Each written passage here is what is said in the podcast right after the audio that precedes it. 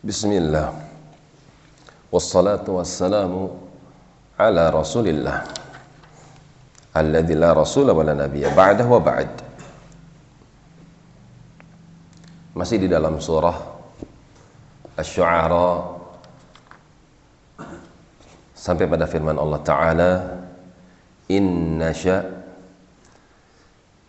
kamu tidak usah bersedih ya Muhammad sallallahu alaihi wasallam kesedihan itu akan menjadikan engkau lemah. Manakala mereka tidak mau beriman. Jika kami berkehendak nunazzil alaihim minas sama pasti kami akan turunkan dari atas langit itu ayatan. Tanda-tanda kebesaran kami. Fadhallat a'naquhum. Di mana tanda kebesaran kami itu menjadikan leher-leher mereka tertunduk la khadhi'in dalam keadaan mereka hina jika Allah menghendaki Allah Maha Kuasa menurunkan sesuatu dari atas langit. Apakah petir yang menyambar? Apakah angin yang menghancurkan rumah-rumah mereka? Allah Maha Kuasa. Akan tapi Allah itu memiliki sifat sabar dan tidak ada yang lebih sabar daripada Allah. Manakala hamba-hamba bermaksiat, hamba-hamba kufur kepadanya namun dia tetap memberikan rizki dan dia akan memberikan peluang bagi hamba tersebut untuk bertobat. Dia maha sabar. Ma ya'tihim min dzikrin minar rahman.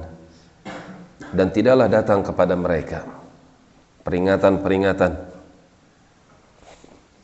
yang berasal daripada Ar-Rahman muhdatsin dengan perkara-perkara yang baru datang dengan tongkat yang berubah jadi ular datang dengan tongkat yang bisa membelah lautan.